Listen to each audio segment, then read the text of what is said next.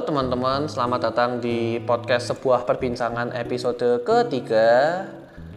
Dan kali ini kita akan membahas tentang apa aja sih skill yang dibutuhin di era revolusi industri 4.0 Ini nyambung dengan podcast yang sebelumnya di episode kedua yaitu tentang gak ada jurusan sampah kalau waktu itu ada yang bilang di Twitter bahwa jurusan-jurusan filsafat, sejarah, dan sastra itu jurusan sampah. Nah, saya tolak di sini bahwa nggak ada jurusan sampah itu nggak ada gitu kan.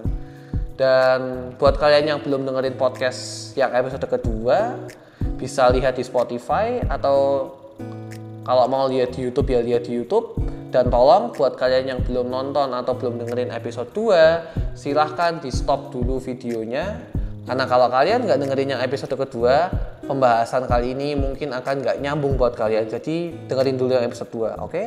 Buat kalian yang udah dengerin, aku akan ngasih tahu ada 10 skill yang harus dimiliki dalam menghadapi revolusi industri 4.0 yang aku baca dari publik.id ditulis oleh Fahri Fauzan Ashari 11 bulan yang lalu.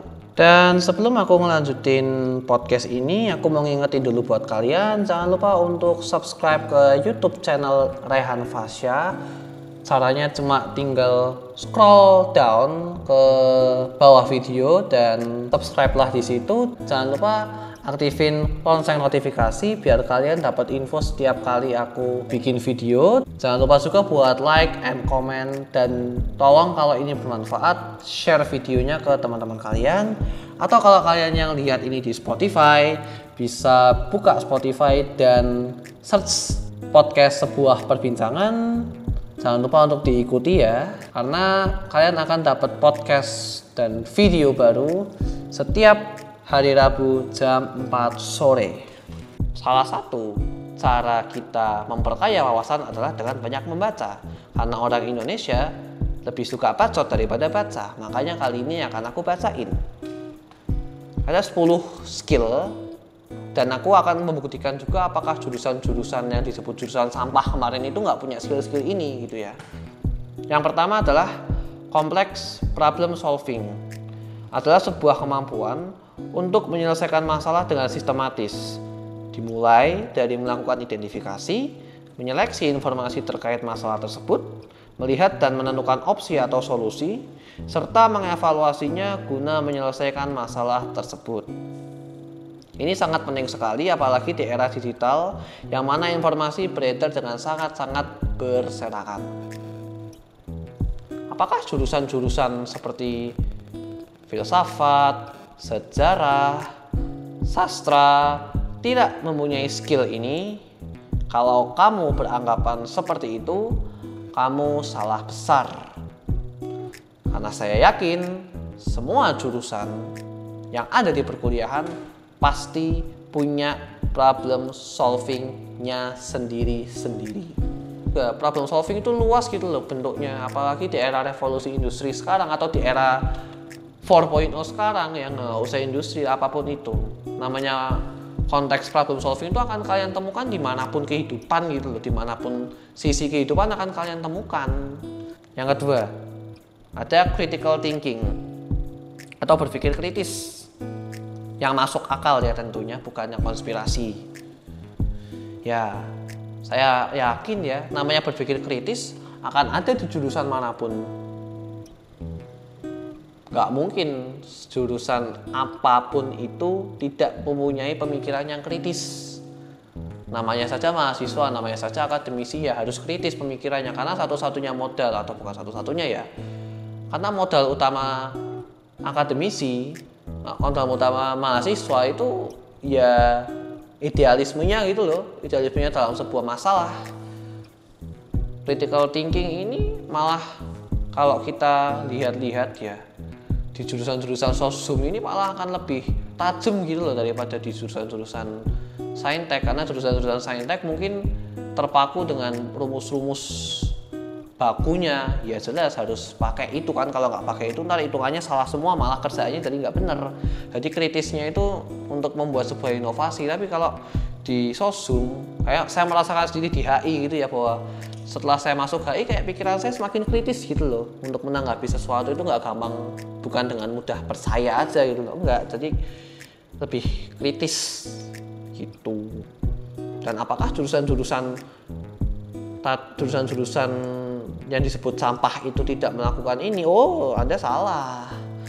Sejarah kalau nggak kritis ya dia bisa terjebak dengan hoax sejarah gitu loh, atau hoax masa lalu. Jangan dikira zaman dulu nggak ada hoax. Ada cuy dan itu harus dilewati dengan pemikiran yang kritis gitu. Dan yang ketiga ada creativity atau kreativitas. Ini penting di era revolusi industri sekarang karena kemampuan menemukan sesuatu yang unik dan orisinal itu menjadi apa ya kemampuan yang harus dimiliki sekarang di mana persaingan semakin tinggi semakin ketat begitu kan jadi sesuatu agar muncul di permukaan itu haruslah unik, haruslah original gitu, orisinal, orisinil. Yang benar apa sih nggak tahu lah itu pokoknya. Kayak aku pernah dengar dari Mas Panji Pragiwaksono, sedikit lebih beda lebih baik daripada sedikit lebih baik. Artinya apa? Zaman sekarang tuh yang penting unik gitu loh. Tapi ya karena kita bicara dalam konteks akademik ya unik itu harus yang tetap berkualitas gitu loh. Jangan lalu unik itu menjadi sesuatu yang ngawur aja. Kreativitas itu harus tetap bermutu. Kalau kita lihat di zaman zaman sekarang tuh kita nggak bisa kita ikut-ikutan. Kita harus punya ciri khas gitu lah apalagi buat kita content creator gitu ya. Dan saya yakin podcast podcast saya ini juga nggak akan naik kalau saya nggak punya keunikan gitu loh. Dan apa keunikan saya? Saya pun tidak tahu yang tahu keunikan saya yang dengerin ya saya kan cuma ngomong aja tak harus benar-benar baru, bisa juga kita berinovasi dari sudah yang sudah ada. Yang terpenting unik dan bermanfaat bagi kehidupan masyarakat. Apakah jurusan-jurusan sejarah, filsafat, dan sastra itu tidak bermanfaat bagi masyarakat? Kalau secara umum mungkin tidak terasa manfaatnya, tapi buat masyarakat akademik. Jurusan-jurusan mereka sangat bermanfaat. Gitu. Apa manfaatnya? Sastra. Sastra itu bisa berkembang menjadi sebuah karya dan konten creator pun kadang butuh sastrawan gitu loh untuk mengembangkan karya-karyanya. Kayak sastrawan-sastrawan bikin film gitu kan tulisannya dibikin skenario film atau dari buku dulu terus jadi film. Kayak kita lihat ada Andrea Herata. Andrea Hirata Andre siapa sih namanya? Andrea Hirata itu dia berawal dari buku gitu kan. Terus jadilah eh, apa namanya? Film itu kan dari sastrawan dan banyak yang baca bukunya banyak yang termotivasi cuma harus saya akui emang pasarnya tidak seramai eh, konten-konten zaman sekarang ya setiap bidang, setiap skill atau setiap keahlian itu punya pasarnya masing-masing dan akan bermanfaat bagi pasarnya sendiri-sendiri. Gitu kan. Terus yang keempat ada people management. Ya ini merupakan kemampuan yang didasari untuk mengatur orang atau kita bisa sebut sebagai leadership. Dan sekarang jurusan mana yang nggak punya skill leadership? Pasti punya kamu hitung-hitung kamu jadi ketua kelas atau kamu mimpin kelompok studi atau kamu mimpin kelompok tugas saja itu sudah skill leadership gitu loh skill leadership itu unik guys dia nggak bisa dimiliki robot gitu loh skill leadership itu nggak bisa dipunyai komputer nggak bisa dipunyai laptop. Jadi itu unik hanya ada dalam diri manusia. Apakah kita semua nanti akan tergantikan oleh keberadaan komputer laptop dan lain-lain? Apakah akan seperti itu? Komputer laptop robot pun butuh manusia untuk mengoperasikan. Dan kalau manusia nggak punya skill leadership ya saya rasa dia nggak akan bisa ngapa-ngapain. Terutama di dunia kerja makanya kepemimpinan itu penting. Itu dan leadership yang baik itu yang bisa mengatur, memimpin dan memanfaatkan sumber daya atau potensi manusia secara tepat sasaran dan efektif. Yang mana robot-robot gak bisa lakukan dan saya yakin jurusan-jurusan yang kamu sebut jurusan sampah itu ini saya ulang-ulang terus sih biar ngena nih ya buat yang nge-tweet jurusan sampah ya kalau anda bilang ini jurusan sampah karena dia nggak punya leadership katanya semua jurusan tuh punya leadership yang kelima ada coordinating with other. Ya. Kalau kamu kuliah kalau kamu nggak pernah berkoordinasi satu sama lain minimal kamu nggak pernah interaksi sama orang tata usaha di kampusmu ya kamu nggak akan bisa apa-apa gitu loh. Dan ini pasti ya ada di jurusan mana-mana gitu loh. Minimal kamu pernah berinteraksi dengan dosenmu lah nanya sesuatu gitu loh. Jangan anteng diem aja. Minimal kamu pernah nanya atau sekedar basa-basi tapi kita bisa menempatkan diri gitu loh. Dan itulah yang namanya coordinating with other. Ketika kita kerja kelompok misalkan kita akan melakukan sebuah koordinasi. Ketika kita koordinasi satu sama lain skill-skill ini akan berkembang dan saya yakin yang punya kerja kelompok itu nggak cuma jurusan teknik ya jurusan sastra pasti punya jurusan filsafat pasti punya apalagi filsafat gitu loh. Mereka pemikir-pemikir sejati bos. Dan mereka berkoordinasi gitu loh untuk berpikir untuk menemukan sebuah gagasan sebuah ide gitu. Jadi terpatahkan ya kalau anak-anak jurusan yang dibilang jurusan sampah itu nggak punya skill ini. Saya kasihan sebenarnya ngomong jurusan sampah wong setiap jurusan tuh punya keunikan masing-masing gitu loh kenapa harus dibilang itu jurusan sampah? Gitu kan. Terus emotion intelijen ini yang keenam. Nah orang mana yang tidak pernah mengatur emosinya? Saya yakin semua jurusan pasti punya kemampuan untuk mengatur emosinya. Gitu.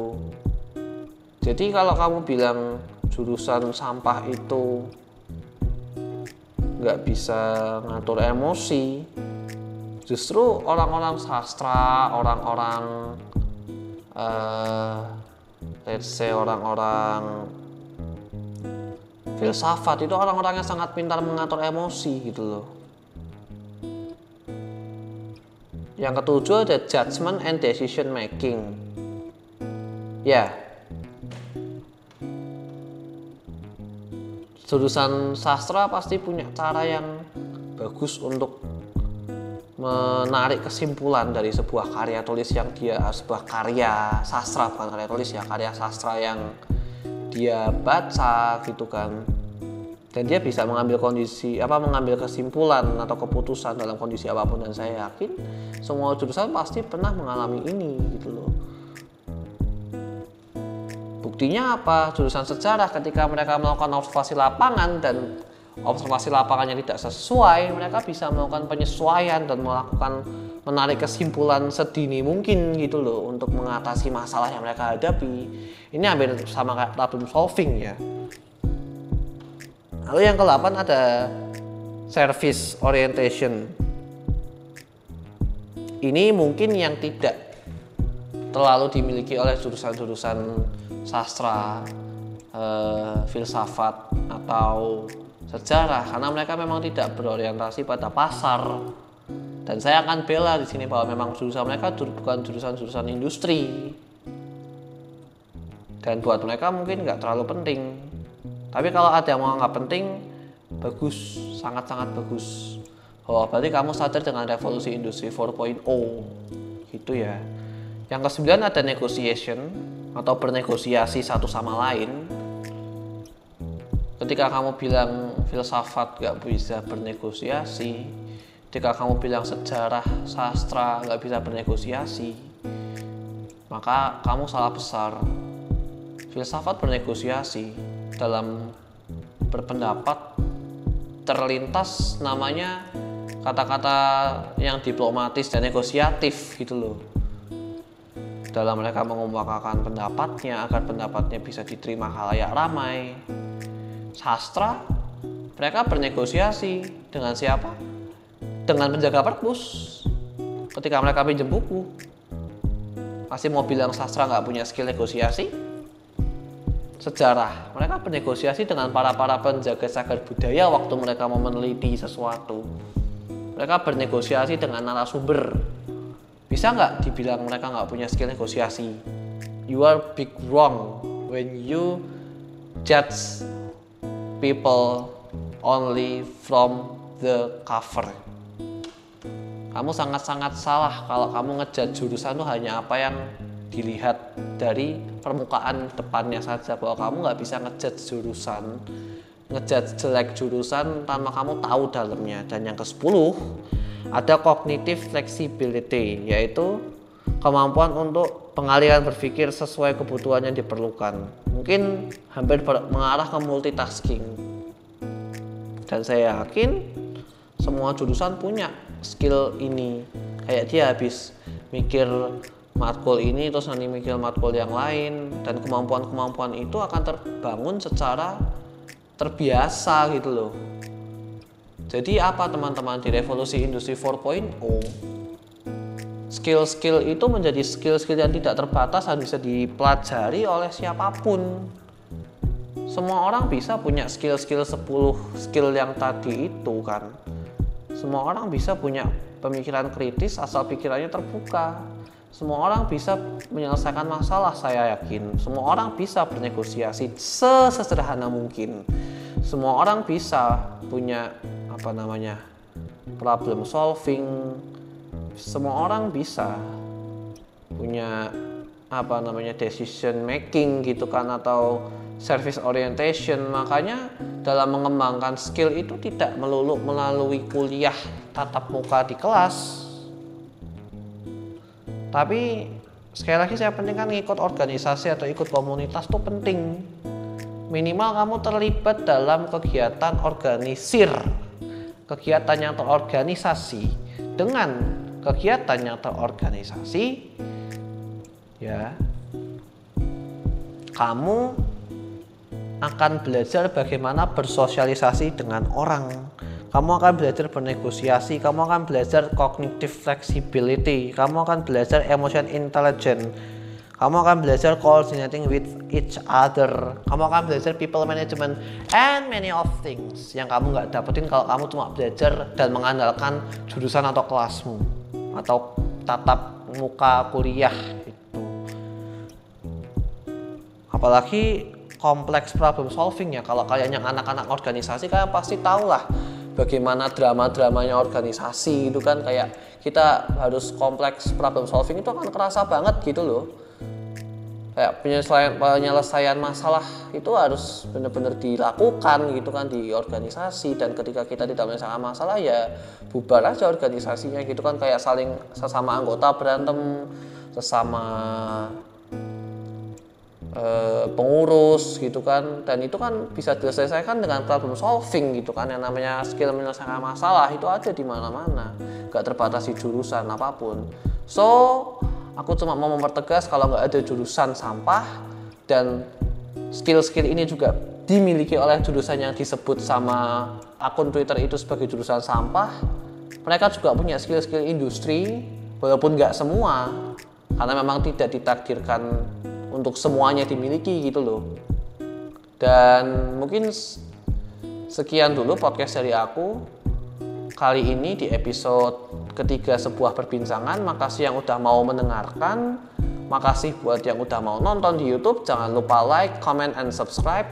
Buat di Spotify jangan lupa diikuti uh, Spotify ku. Dan see you on the next episode